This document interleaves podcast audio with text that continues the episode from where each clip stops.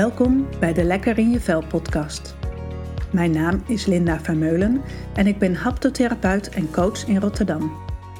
In mijn praktijk Pura Rotterdam zie ik dagelijks mensen die weer lekker in hun vel willen zitten. Maar wat is dat dan? En waarom zit je dan nu niet meer lekker in je vel? In deze serie belicht ik thema's waar je zoal last van kunt hebben. Ik ga daarover in gesprek met klanten en collega-haptotherapeuten. Mensen waar ik bewondering en respect voor heb. Dat wissel ik af met afleveringen waarin ik steeds een aspect uit de haptonomie belicht. Luister je mee?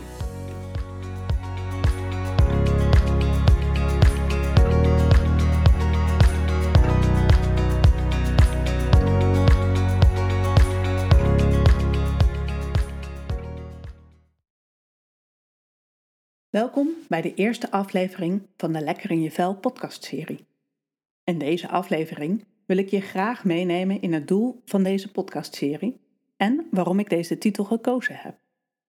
En natuurlijk ook hoe haptotherapie je kan helpen om weer lekker in je vel te zitten. De reden waarom ik deze podcastserie ben gestart is om meer mensen te kunnen helpen en om je te laten kennismaken met een mooie begeleidingsvorm die haptotherapie is. Zelf heb ik jarenlang in het bedrijfsleven gewerkt en kwam haptonomie bij toeval op mijn pad. Ik vond het zo mooi dat ik besloten heb om te stoppen met mijn werk en me volledig te richten op mijn opleiding en later op mijn praktijk. Wat vind ik er mooi aan? Nou, in het bedrijfsleven was ik best wel met mijn hoofd bezig, heel rationeel. Nadenken, analyseren, plannen maken, het graag goed willen doen, gezien worden, gewaardeerd worden. Soms kon ik s'nachts niet slapen en liet ik alles wat die dag gebeurd was nog eens langskomen. Of ik maakte me zorgen over alles wat er nog op me afkwam en gedaan moest worden. En dat terwijl ik ook een gevoelsmens ben. We leven in een maatschappij die erg gericht is op cognitie. Dat begint al op school, met goede cijfers halen en presteren. En veel aandacht voor cognitieve vakken. En dat terwijl we allemaal voelende wezens zijn. Sterker nog, al in de baarmoeder hebben we gevoel en is tast een belangrijke zintuig. Kinderen die te vroeg geboren worden en in een couveuse liggen, ontwikkelen zich veel beter als ze aangeraakt en vastgehouden worden. Binnen de haptotherapie willen we weer balans krijgen tussen voelen, denken en doen. Soms weet je niet eens meer wat je voelt. Dat maakt dan ook dat je slecht kan aangeven wat je wil. En meer vaart op wat een ander wil. En dat je moeilijk grenzen kan aangeven. Het is natuurlijk niet zo dat je niet meer moet denken. Denken en doen horen ook zeker bij de haptotherapie. Met je gedachten, overtuigingen, normen en waarden kan je jezelf behoorlijk in de weg zitten. Of remmen. Een sterke overtuiging die ik bijvoorbeeld van huis uit heb meegekregen is: doe maar gewoon, dan doe je al gek genoeg.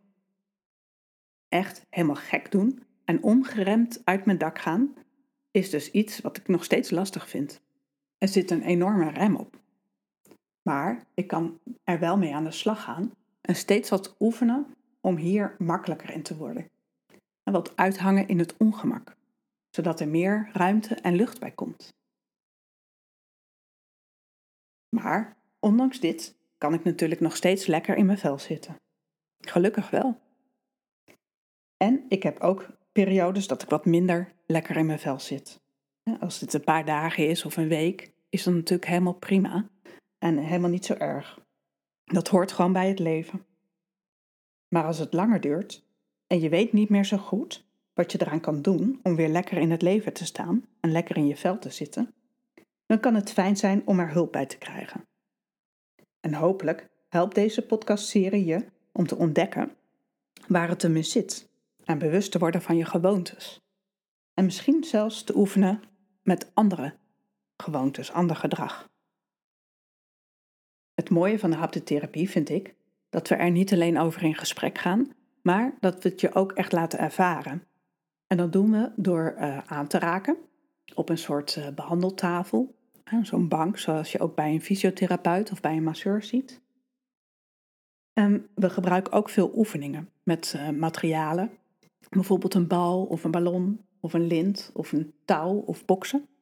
Zodat je weer gaat voelen en ervaren in je lijf hoe jij gewoon bent om te reageren. Hoe jij gewoon bent om te doen.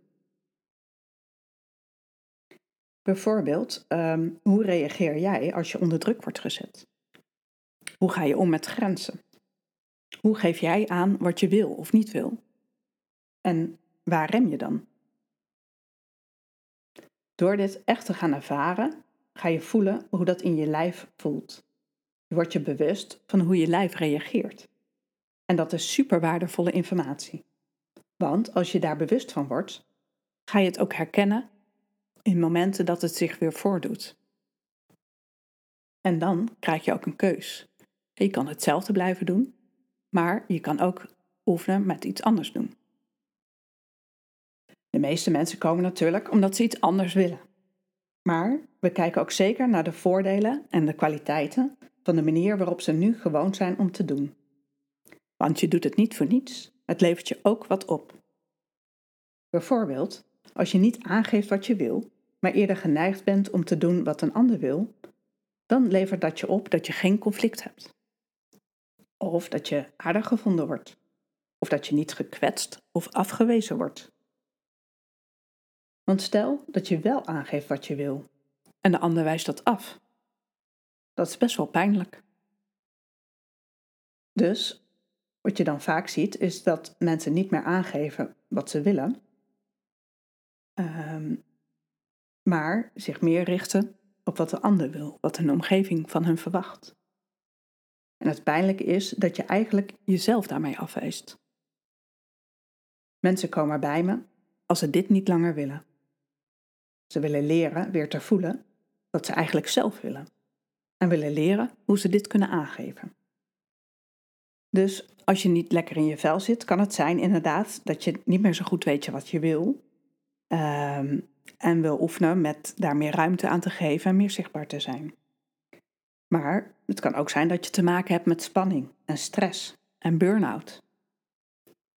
Of dat je bijvoorbeeld te maken hebt gehad met traumatische ervaringen in het verleden, waardoor je helemaal niet meer zo thuis voelt in je lijf. Of je lijf eigenlijk niet meer zo goed kan voelen. Ik had bijvoorbeeld een klant die voelde zich vooral een heel groot hoofd. De rest van zijn lijf deed eigenlijk niet meer mee. Of een klant die naast haar hoofd eigenlijk alleen nog gevoel had voor haar voeten en handen. Daartussenin was er niet, alsof het een zwart gat is. Binnen de haptotherapie gaan we dan samen op pad. We gaan oefenen om meer besef te krijgen van je eigen lijf. Vaak zie je dat trauma's uit het verleden sporen hebben nagelaten in je lijf. Er zijn blokkades, bijvoorbeeld bij je nek, een stokkende keel of stokkende ademhaling, het middenrif of in het buik- en bekkengebied. Als we in de therapie zover zijn, kunnen we langzaam gaan kijken hoe we hier wat meer lucht en ruimte bij kunnen maken. Zodat jij uiteindelijk weer lekkerder in je vel gaat zitten. Haptotherapie is dan ook een holistische therapievorm. We kijken naar jou als geheel. Geen enkel traject is hetzelfde. Het gaat namelijk om jou. Het gaat om jouw tempo en het is helemaal afgestemd op jou en wat we in de sessies tegenkomen. In deze podcastserie wil ik telkens een thema belichten die veel voorkomt in mijn praktijk. Dat doe ik zelf of ik ga erover in gesprek met klanten en collega-therapeuten. Ik hoop van harte dat deze serie je gaat helpen in je eigen ontwikkeling en dat het je ook helpt om weer fijner in het leven te staan. Veel plezier met luisteren.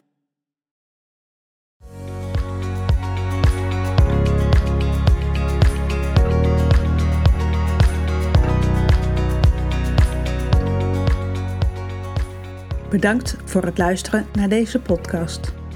Wil je nou meer weten over haptotherapie of het thema van deze podcast? Neem dan contact met me op. Dat kan door te mailen naar info.purarotterdam.nl of met me te linken op Insta. Vergeet niet je te abonneren op deze podcast, zodat je ook de volgende afleveringen kunt volgen, die jou kunnen helpen en inspireren om je lekker in je vel te voelen. Ik ben benieuwd wat je van deze aflevering vond. Laat je het even weten in de review. Ik hoor graag van je. Nogmaals, bedankt voor het luisteren en tot de volgende keer.